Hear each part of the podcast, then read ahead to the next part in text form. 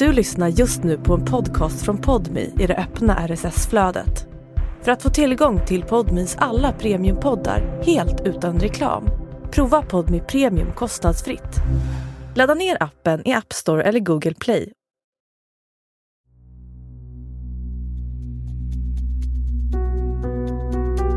Det här är Utanför murarna, där jag Josefin Freje träffar människor som suttit i fängelse för grova brott, men som nu är ute i samhället.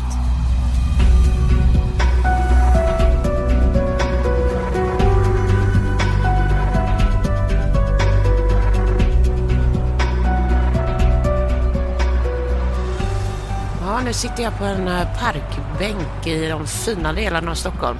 Jag tror det i alla fall. Ser jävligt eh, nice ut. Och eh, här ligger en katolsk kyrka. Där jag ska träffa en kille som har suttit sju år för en eh, riktig knarkfabrik. Inte en sån här mesig som min man hade. Ehm, ja. Så att jag, jag trodde på fullt allvar att det här kan jag säkert ljuga mig ur. Är det bara att köra några Ave Maria och så är det lugnt sen? Nej. Klämkäcka kriminalvården som knackar på och bara lämnar över. Du fick sju år med ett leende så, så trodde jag faktiskt att de drev med mig.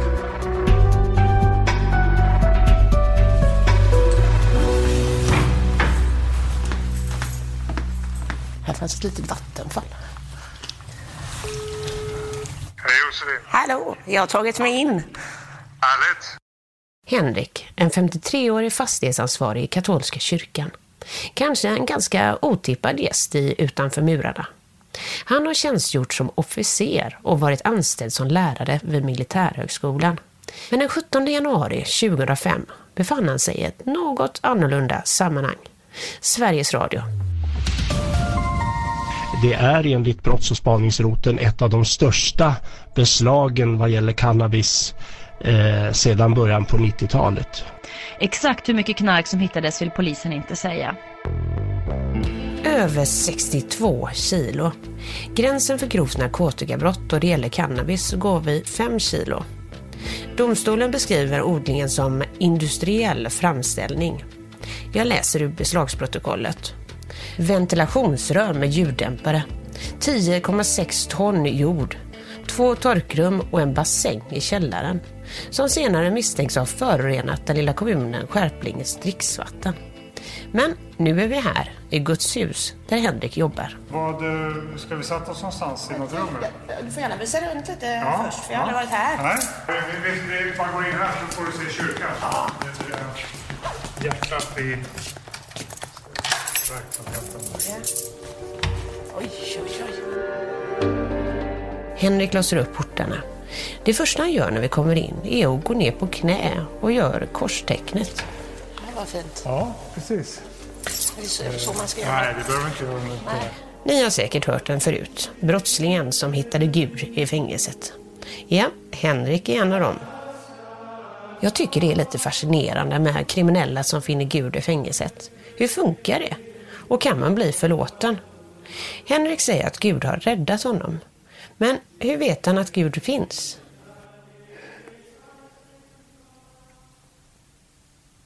Bra fråga. Ehm, mer, mer kanske av, av en erfarenhet av vad han har, har, har gjort för mig. Eh, och sen, Gud är inte en, en skäggig på ett moln utan det är något verksamt som finns i allt levande. Gud har liksom räddat dig då, men kanske också den som satte dit dig. Ja, absolut. Nu efteråt så kan jag nog se att han har nog försökt hjälpa mig på många flera, som jag tyckte, konstiga sätt. Och då sätta dit mig, om du använder det uttrycket. Vissa som eh, lyssnar dåligt och är lite sega och eh, svårt att förstå, det vill säga sådana som jag, behöver ibland kanske flera knuffar i ryggen och sparkar i rumpan och eh, till slut Ja, jag tror att han har hjälpt mig att sätta mig bakom lås och bom.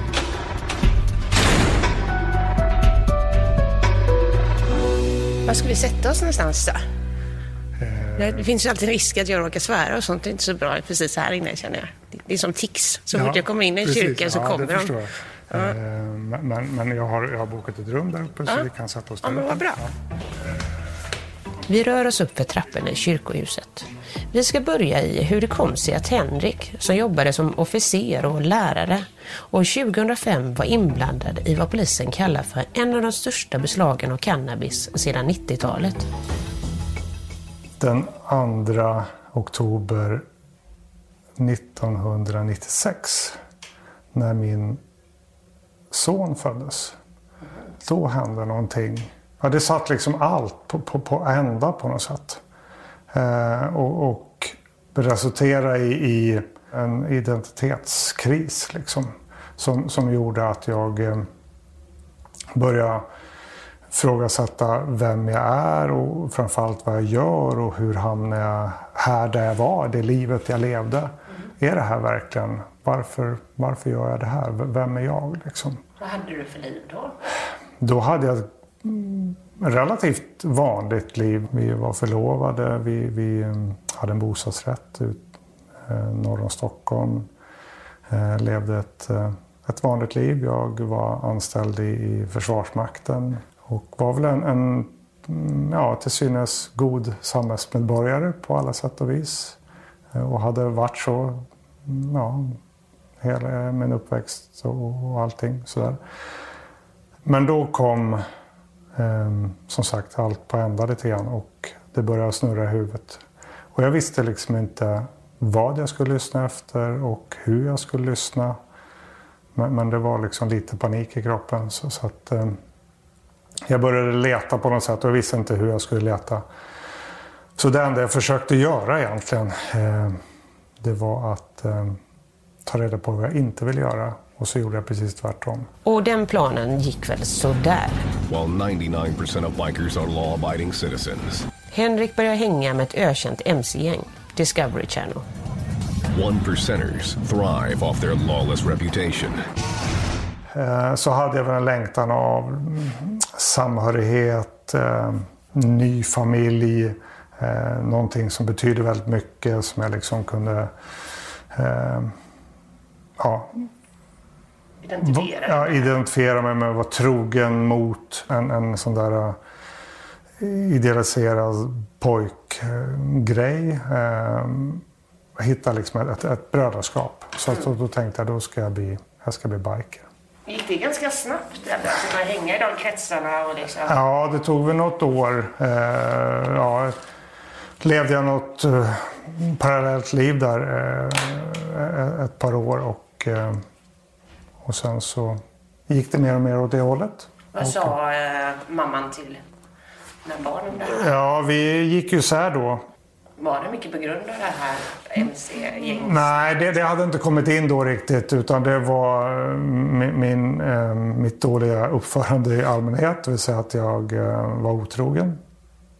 Och resultatet av det var min eh, dotter. Eh, och då så, så, så lämnade jag det var ju jävligt klantigt alltså. Ja. Otrogen och, utan skydd också. Precis, så, att, så att ja. Det, det, ja, det finns må, många saker runt det där. Jag läste ju uh, din dom. Mm. Um, det var ju en jäkla stor knarkfabrik alltså. Jag, ja. jag vet inte om du hörde det där med Expressen hängde ut mig för att min man hade odlat några plantor. Ja, Vad kallar ja. det knarkfabrik? Ja, precis. Ja, det, det, ja, det var en, en hel del. Det pissar ju på min man 350 då. En reporter på Sveriges Radio har polisförhörts i en narkotikautredning i Göteborg. I källaren till huset där hon bodde så drev hennes man en misstänkt knarkfabrik. Ja, lite stickspår här, men jag tycker det är viktigt att vara transparent mot er lyssnare när jag gör ett program som ligger nära något jag själv har varit med om. Vi tar det lite snabbt. Jag var vare sig misstänkt eller åtalad för brott när Expressen gjorde en nyhet av att min okända man, som har en kronisk och obotlig sjukdom, odlar cirka 350 gram cannabis i vår källare. Han fick 40 timmars samhällstjänst och får nu cannabis på recept av sin läkare. Expressen har klandrats av medieombudsmannen. Nu går vi vidare till Henriks knarkfabrik. Kan du berätta om den här dagen eh, där du åkte fast. Du var, liksom, ni befann er ute på någon eh, gård. Ja, exakt. Eh, det var en liten håla på skogen mellan, mellan Uppsala och Gävle. så, som eh, jag hade fått ett arbetserbjudande om att åka och skörda den här eh, odlingen och plocka ner den här fabriken. Och, eh, vi var där och jobbade och vi märkte att det var en helikopter med sökarljus som, som snurrade i, i området över oss. Vad Så kände du då? Ja, ska jag sitta kvar och vänta här och hoppas på att det går över eller ska vi försöka sticka? Och det gjorde vi, det sistnämnda. Och så när vi kom ut där så kom grabbarna boys runt hörnet med, med dragna vapen och sådär. Var det de stora vapnen eller var det de små? Det var de stora. Var de stora. Ja. I domen står det att anledningen att polisen dök upp var att de sökte igenom byggnader efter ett bankrån. Samtidigt som lokalnyheterna på P4 pratar med boende i området som snarare ger bilden av att polisen under en längre tid vetat vad Henrik och hans vänner höll på med. Det börjar ju redan vid midsommar att man blev lite misstänksam här för att eh, killen som var här mitt emot han eh, skulle sätta upp staket då, runt hela tomten. Under hela hösten har också polisen kretsat kring lokalerna på Sätravägen. Bland skärplingeborna började det spekuleras. Alltså det här motorcykelgänget då. Ja, spekulationerna har ju varit vilda. Och de fick ni nu lite bekräftade då? Nu fick vi dem bekräftade, ja. Du stank cannabis om händerna? Och... Ja, precis såklart. Mm. Så att det var väl det var händerna i fingrarna i syltburken så att det var svårt att Ja, såklart man försökte ljuga sig fri från det där med det där att göra. Utan jag har bara varit här och gjort lite annat jobb och så vidare. Ja. Vad, vad tänkte du då? Liksom, att nu är det kört eller? Um... Nej, alltså jag, jag hade haft ganska lite eh, erfarenhet av, av eh, alltså, rättvisan på så sätt, eller rättsväsendet. Så, så. Eh, och någonting som jag, jag, var väldigt duktig på förut eh, var att ljuga, tyckte jag. Så jag, jag trodde på fullt allvar att det här kan jag säkert ljuga mig ur. Att, liksom, att det här ska nog... Men, men det insåg jag efter ett par dygn att såklart, det, det, det, nu är du liksom på en annan nivå. Alltså, så att det går liksom inte. Du ska inte ljuga. Nej, precis. Exakt. Det... Bevisen mot Henrik är superstarka. När polisen tog honom stank han cannabis om händerna. Hade spår av cannabis i byxorna, jackan och strumporna. Hans DNA och fingeravtryck fanns i odlingsrummen. Något han förklarar med att han måste råkat röra något när elen gått och han hade en dålig ficklampa. Domstolen slår fast att Henriks försvar saknar tilltro och att det ställt utom rimligt tvivel att han olovligen innehaft och för missbruk framställt cannabis. Hur, var det i rättegången? Liksom, eh, när du satt där och kanske förstå vad åklagaren yrkar på och sådär? Ja, det levde nog ganska mycket förnekelse ända egentligen till domen kom. Liksom, att, eh, dels så, så var det väl en, en, en, en, en liksom naiv tanke om att gå loss, att inte åka dit alls. Och tänkte att ja, då kommer jag ju få skadestånd liksom, för att jag suttit häktad där under många månader och så vidare. Men, men eh, Nej, så, så, att, nej så, så, att när väl domen levereras, när de kommer och knackar på dörren där, den här klämkäcka kriminalvården som knackar på och bara lämnar över. Du fick sju år med ett leende så, så, så trodde jag faktiskt att de drev med mig. Sju års fängelse? Mm. Även där otroligt naiv innan. Jag hade liksom, ja, som, som säkert alla som håller på med olagligheter tänker att men jag kommer inte åka fast. Det här är ju, det här är ju säkert och det här är liksom, det är bara det här. Och, nej, så att jag hade faktiskt inte ens haft en fundering på vad resultatet skulle kunna bli om jag åkte fast. Så att, eh, men såklart, det är ju så, när man bedömd första gången till fängelse och får sju år så såklart det var det var tufft att ta in liksom att ja, det här eh, kändes långt. Henrik låstes först in på Kumla och satt sedan av sitt straff på Tidaholm. Men mannen som sitter framför mig ser ut som en trevlig bibliotekarie. Eller ja, kanske just det han är. Anställd i en kyrka. Jag tror få med fördomsradarn påslagen ens skulle kunna föreställa sig Henrik bakom lås och bom. Kaboom och sju år. Mm. Alltså, hur var den eh, resan för dig? Ehm, ja, såklart. Det, var, det, var, det, var, det, det, det, är mycket oskrivna regler att lära sig väldigt snabbt. En, den enda fördelen jag hade då, om man och jämföra med, med, med, försvaret, det är väl att bo då tillsammans med, med, med många män på ett trångt utrymme. Det har du gjort förut. Ja, precis. Men kanske då har jag mer valt mina eh, rumskamrater och eh, ja, ett litet annat klienter kanske. Och återigen den här naiviteten, liksom, att jag var nog ganska naiv och förstod kanske inte vilka galningar man satt med. Men, men, men ja, jag var väl inte helt snövit själv heller. Så, så att, eh. Men vad, eh, vad är det för oskrivna regler då som du lärde dig där inne? Eh, pratar man för mycket då, då, då är man liksom nyfiken och, och, man, fick inte, man ska inte fråga och man ska inte prata för mycket. Eh, för, för, då är, är, det något konstigt och då, då, då, söker man information och pratar man för lite då, då, då döljer man någonting och man får inte sitta och hålla sig för sig själv för mycket på rummet för, för då är det ju misstänksamt för då döljer man någonting och sen kan man inte få runt att vara för social och, och eh, alliera sig med alla för då är man konstig på det sättet. Så, så det är ett vågspel att på något sätt röra sig mellan det där. Och jag hade väl ganska tidigt bestämt mig att jag skulle liksom inte komma ut därifrån med, med en alldeles ny eh, kontaktlista med för mycket nya vänner. Så, så att, Eh, och hade väl ingen jättelust att alliera mig med, med, eh, med, med, med för många. Vad är ditt eh, starkaste minne från fängelsetiden?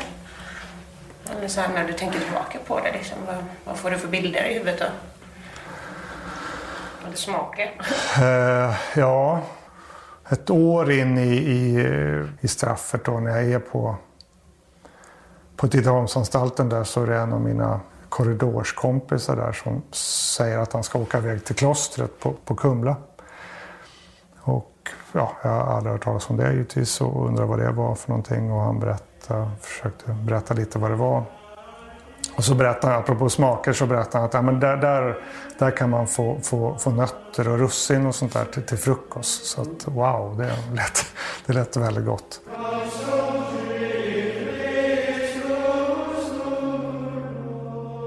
Ja, ni hörde rätt. Ett kloster på högriskfängelset Kumla, där några av Sveriges värsta kriminella sitter. En avdelning för meditation, tystnad och finna sig själv. Där träffade Henrik en präst som satte stort avtryck. På den tiden hade, han, hade man så här overhead-hinner. Så han hade en sån overhead-apparat, tror jag, och la upp en bild på en gammal en gammal riddare från 1500-talet eh, som man då fick lära mig senare är ett, ett, ett av våra helgon. Med en fråga under bara Vem är jag? Och då sa han, pekade på det där, det här är den fråga vi försöker få svar på här inne. Och då klonkar det till ganska rejält i huvudet. Wow! Efter sen tio år har jag liksom jagat den där frågan. Vem är jag? Tänk att jag Tänk om jag kan få hjälp att få svar på den frågan här inne. Det var den sista ställe jag hade trott det. Smart präst att lägga upp värsta coola riddaren. Ja, precis. Exakt.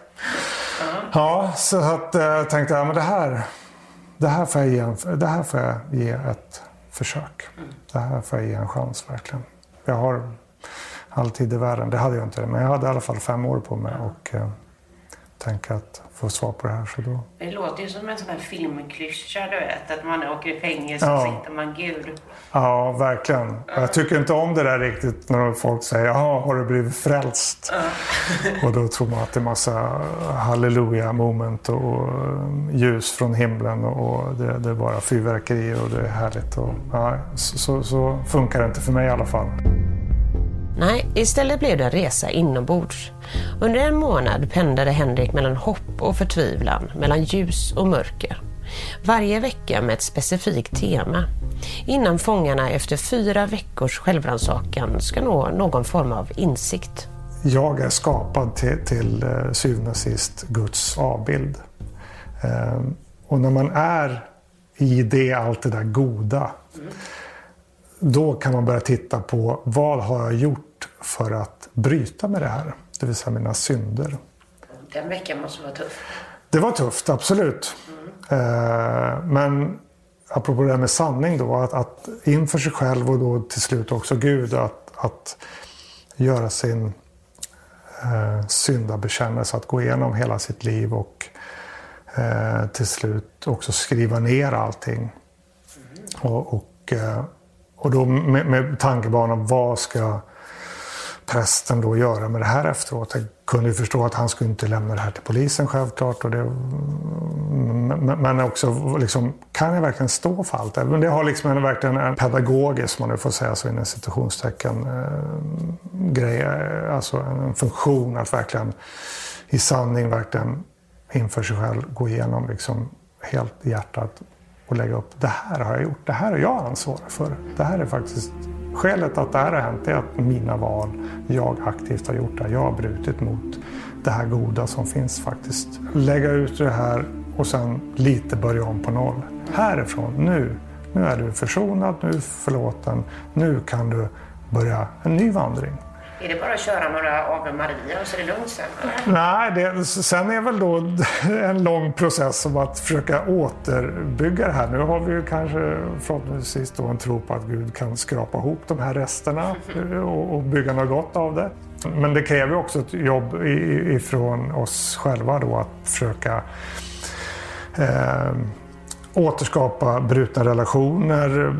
Både med, först med sig själv, eh, med sin omgivning och, och sen då med, med Gud. Då.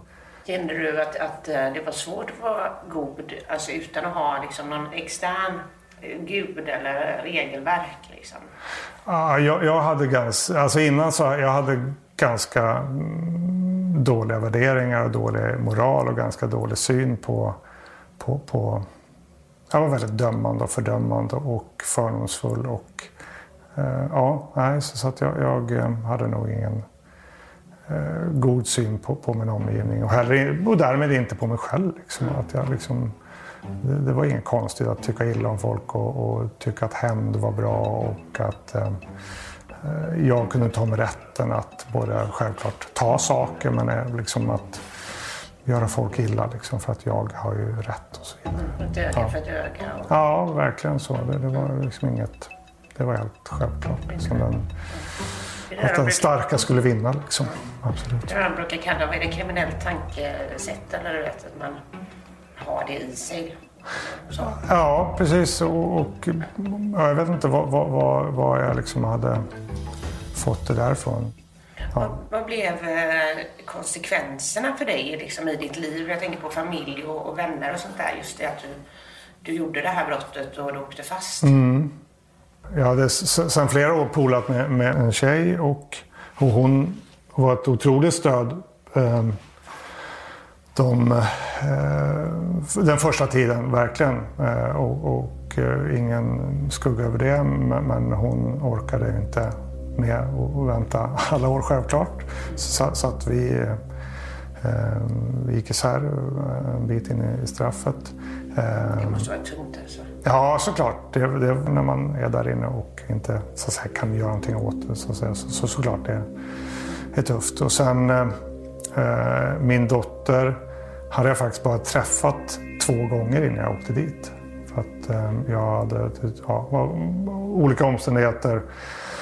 Även där då hade jag gjort dåliga val så, så att jag hade valt att inte ha någon kontakt med, med, med henne Så att henne träffade första gången när hon eh, var fyra år och sen ett halvår senare så träffade jag henne andra gången och sen åkte jag dit en månad efter. En av de saker som Henrik verkar skämmas över är hur hans brottslighet gjorde att han tappade kontakten med sina två barn och deras två mammor. Men när vi sitter här i det lilla kyrkorummet så lyser han upp. Idag ska han få träffa sin dotter. Både uppfattar och bedömer det som att vi har en jättebra relation från båda håll. Verkligen. Det är fantastiskt. Jag är jätteglad för det. Ja, precis. Det får du göra. Hon jobbar precis runt hörnet här. Så att, ja. Och han berättar också att han har god kontakt med sin son. Trots sin otrohetsaffär såg mamman till att han fick träffa sin son medan han satt i fängelse. Där fick jag ett, ett, eh, ett fantastiskt stöd. Väldigt storsint. Ja. Du var ändå så otrogen mot henne och skaffa barn med någon annan. Liksom. Verkligen. Jag Ja. Ja, en, en stor kvinna. Verkligen. Verkligen. Efter fängelset, dags att mucka. Där Henrik. Nyfrälst vill han inte kalla det, men något åt det hållet. Och skulle hitta sin väg. Skaffa jobb, lägenhet och leva som en god kristen utanför murarna. Då hade jag förberett det genom att begära förflyttning inför min utsluss, att inte komma till Stockholm. För att minimera risken för eh, att hänga med gamla polare och att jag ska bara ta en öl, jag ska bara göra ett jobb, jag ska bara, jag ska bara, jag ska bara. Det blev skånska landsbygden. Och här får jag kanske inte riktigt ihop det. Henrik både följde och bröt mot det nionde budordet. Ni vet den där med förbudet mot att bära falsk vittnesbörd mot din nästa. Ljug inte. Det började dock bra. Fick tag i ett jobb där. Jag sökte jobb medan jag satt i fängelset. Jag tog mina permisar och knackade dörr, ringde runt. Hur presenterar du då? Hej, jag heter Henrik, jag sitter i fängelse, jag söker jobb här. Jag... gick det då? Jag tänker många kanske bara, nej nu. Ja, men jag tror att de uppskattade den ärligheten och eh, kunde, ja, de fick ju syna mig. Ja, jag, jag kunde inte mer än vara, leva i den där sanningen återigen och okej, här, det här är jag, eh, ge mig en chans. Ehm, Men var det ändå, eh, nu är snusbyte här. Ehm, Att inte ha jobb och lägenhet Mm. och hela den eh, Mm. resan, hur, hur svårt var det? Liksom? Jag insåg ju realistiskt att jag kan inte ha några stora mål och ambitioner. Liksom, utan, utan jag, eh, ehm, jag berättade inte för den hyresvärden, så där ljög jag då.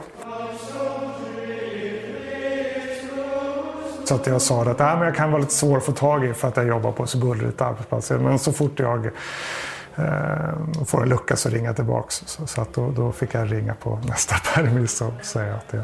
Så var jag där och... Ja. Så, så att jag... mm, Ja, jag... jag, jag eh, Du ljög dig till en lägenhet. nej, det skulle jag nog inte vilja säga. Men, men, eh, jag berättar kanske inte precis allting. Henrik hade också ett annat sökande när han muckade. Förutom jobb och lägenhet ville han hitta en församling.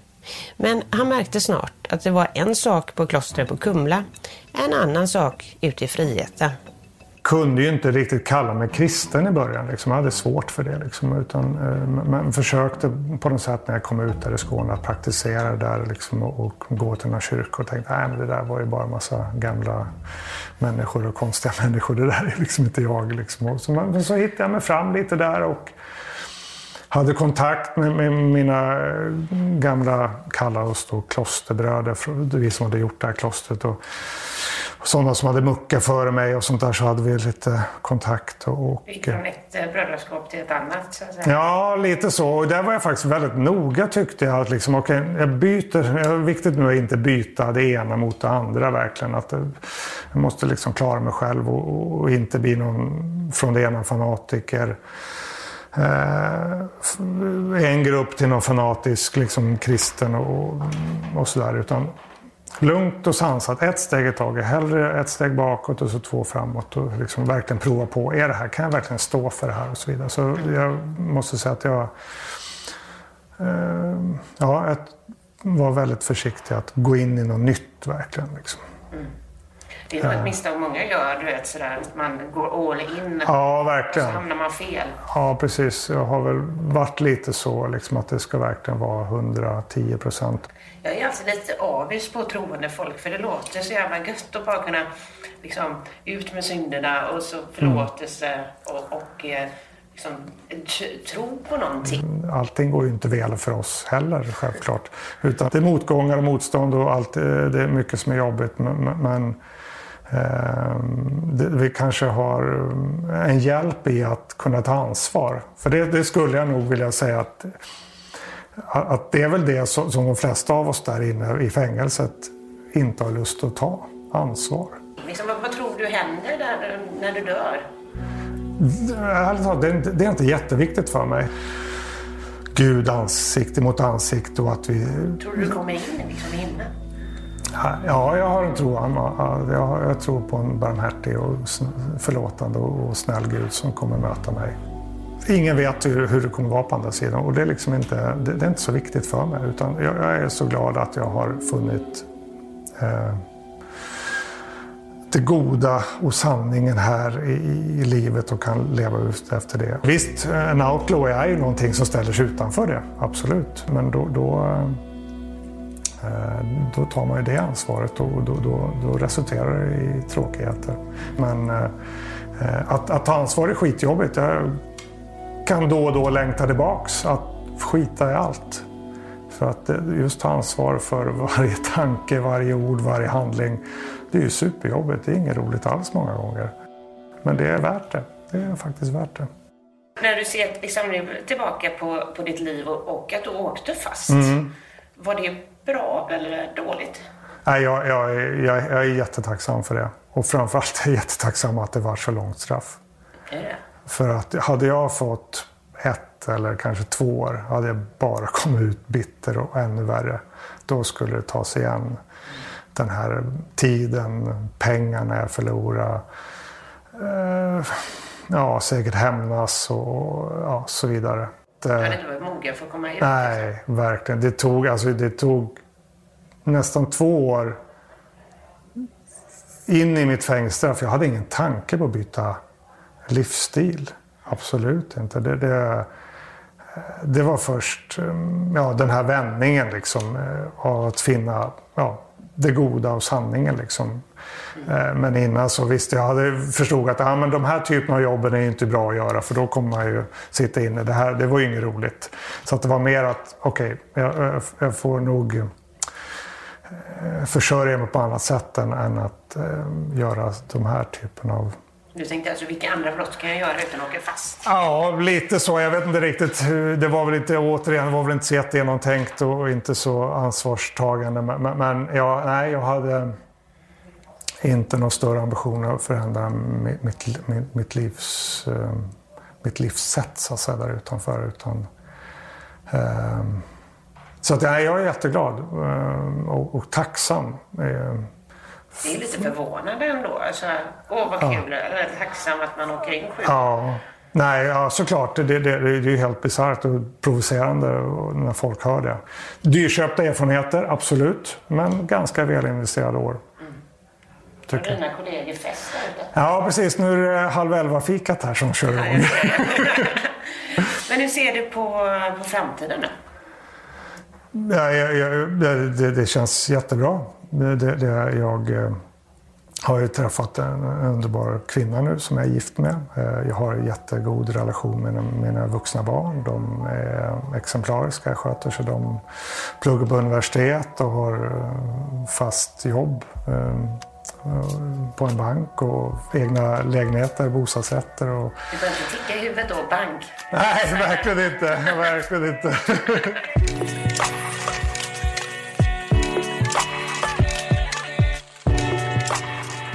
Nej, det, det, nej jag har, jag har, jag har en, en, en helt normal god lön så att jag klarar mig. Jag är så rik på så mycket annat så, så att jag eh, har ett bra jobb och jag får hålla på med det jag gör och har goda vänner. Och, eh, eh, jag har som förmånligt eh, och lärt mig under de alla de här åren så de här andra övningarna som jag själv fick en gång i tiden, de är jag nu utbildad för att ge vidare. Så att jag ger dem vidare till människor som vill ha, inte, det finns inte, den möjligheten finns ju inte i, i, i, i fängelset. Kriminalvården har ju då valt att lägga ner den här verksamheten. Dumt. Ja, det tycker jag också. Jättetråkigt. Så att, eh, och det har gett goda resultat under många år så, så att, eh, och många som hjälpt väldigt många att, att inte återfalla i brott. Så att, eh, det, det, vi kanske är tvungna att öppna ett privat fängelse för att då möjliggöra det här för andra. Men än så länge nu så, så ger övningarna till, till vanliga inom citationstecken människor som är troende och vill, vill är det den här riddarskolan då? Exakt. Ja, det låter ju lite coolt. Ja, precis. Men är det inte lite, alltså, jag tänker så här, så länge det funkar och det funkar för dig mm. så är det ju jättebra. Mm. Men är det inte lite fult liksom om religiösa ger sig på folk när de är på botten liksom? Att de missionerar. Ja, just det. Kanske vissa skulle säga hjärntvättar. Ja. Mm. Är det inte lite fult? Ja, och så kan man ju självklart välja att se det. Men, men det, det så måste jag säga att det, det, det var ju eh, väldigt bra eh, genomfört. Det, det, var ju liksom ingen eh, mission, det var inget pådyvlande. Självklart är det inom en kristen kontext med kristna eh, symboler och språk, eh, Guds ord ur, ur Bibeln. Eh, men eh, de som genomförde det här eh, genomförde det på ett väldigt bra sätt. Så, så, så att, Just det här, du vet ju, man, ibland när man läser nyheterna mm. så, så blir man lite provocerad när det är någon sån här yogakurs, du vet, mm. med en massa mördare på kunderna. Ja, ja, och så tänker man, vad är det för fjanterier liksom? Ja, precis. Men det här med att, att erkänna sina synder och ta mm. ansvar. Mm. Det verkar ändå vettigt. Ja, får ju då, alltså det finns ju många liksom lager i det här. Med, med, jag förstår att det är provocerande ord. Det, det, det, framför den här klassiska, liksom, ja, men våra äldre får, får sämre mat än våra fångar. Och, Eh, och, det, nej, det, det, finns många ställen i kriminalvården som inte serverar speciellt bra mat också, ska vara klart för sig. Så, så det är det. Och straffet i sig är väl då, vi, vi har ett demokratiskt eh, välfungerande rättssäkert samhälle där vi då har valt genom de här valen vi har att, att vi ska ha eh, ett samhälle där vi då eh, skyddar samhället. Vi straffar de, de, de brottslingarna genom att låsa in dem. Eh, tanken är ju att vi ska komma ut eh, och vara samhällsmedborgare igen och då är det väl bra att tänka att de kommer ut så bra som möjligt. Vi som lever här ute nu då fria, vi kommer ju kanske imorgon få en, en granne i vår trappuppgång som också har suttit inne. Då vill vi att den ska komma bättre ut som kriminalvården själv sa. Och Henrik har kanske en bra poäng här. Folk ska få sina straff. Samtidigt vill vi inte att de är helt fuckade när de kommer ut. Jag ber Henrik att beskriva med tre ord vem han var innan han åkte in och med tre ord vem han är idag. Oj, vad svårt. Mycket värlig också. ja, det ska vara ärlig också. Um...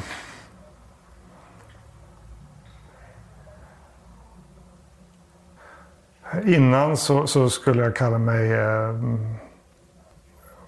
odödlig, eh, orädd och eh, stark kanske. Mm. Um, och efter då? Efter så... Ja, vad svårt. Hur skulle jag förklara mig själv? Det är lätt att, jag försöker svara på vad jag skulle vilja vara. Mm. Men, det, det är, men, men eh, jag försöker vara, vara äh, hjälpsam. Jag försöker vara ärlig och sann. Mm. Det är en ganska stor kontrast mellan dem. Ja, det ena precis. låter ju verkligen som, du vet om man är biker, då ska man ju vara liksom orädd, och ja. odödlig och stark. Ja, ja precis. Och sen ja. hjälpsam. Alltså, det här, ja. alltså, uppskatta det snälla också. Ja, precis. Mm. Ja, det, det och jag var säkert snäll innan med hoppas jag. Men, på ett annat sätt? Ja, precis. Ett annat sätt kanske. Ja, ja. Slutligen ber jag Henrik om några råd på vägen för alla de som kanske sitter inne nu eller nyligen muckat och kanske lockas av att gå tillbaka till det kriminella livet. Det, det tar tid. Att, att liksom... Att, ja, det här tråkiga, att ta ansvar och, och faktiskt vara schysst mot, mot sig själv och, och, och schysst mot andra. Det tar tid och det är tråkigt men, men det är liksom värt det ändå. Det är, det, det, det är liksom... Varför är det värt det? Att slippa liksom vara, leva i, i, i lögn mot sig själv, eh, i lögn mot andra, jagandet av, eh, pengar eller mm, den här sanningen gör ju en fri, verkligen. Och, och slippa liksom att, att att ha de här eh, lagren av, av, av masker på sig, känna sig jagad. Eh, och det behöver inte vara rent fysiskt, liksom, men jagad av liksom, behov av att uppnå saker, vara någon. Att plocka bort alla de här sakerna och, och bara vara, vara sig själv. Jag är okej okay som jag är.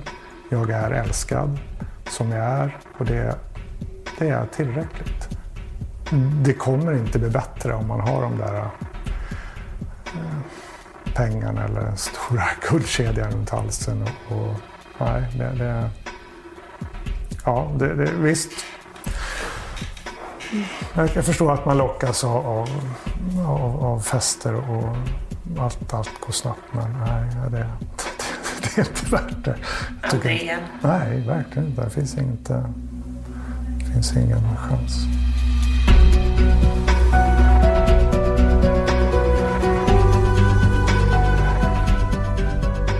Tack för att du har lyssnat på Utanför murarna. Jag heter Josefin Freje och du får jättegärna höra av dig med synpunkter och tips på vem jag ska träffa härnäst. Mailen är utanförmurarna.gmail.com Du har lyssnat på Utanför murarna, en exklusiv poddmy-produktion från tredje statsmakten.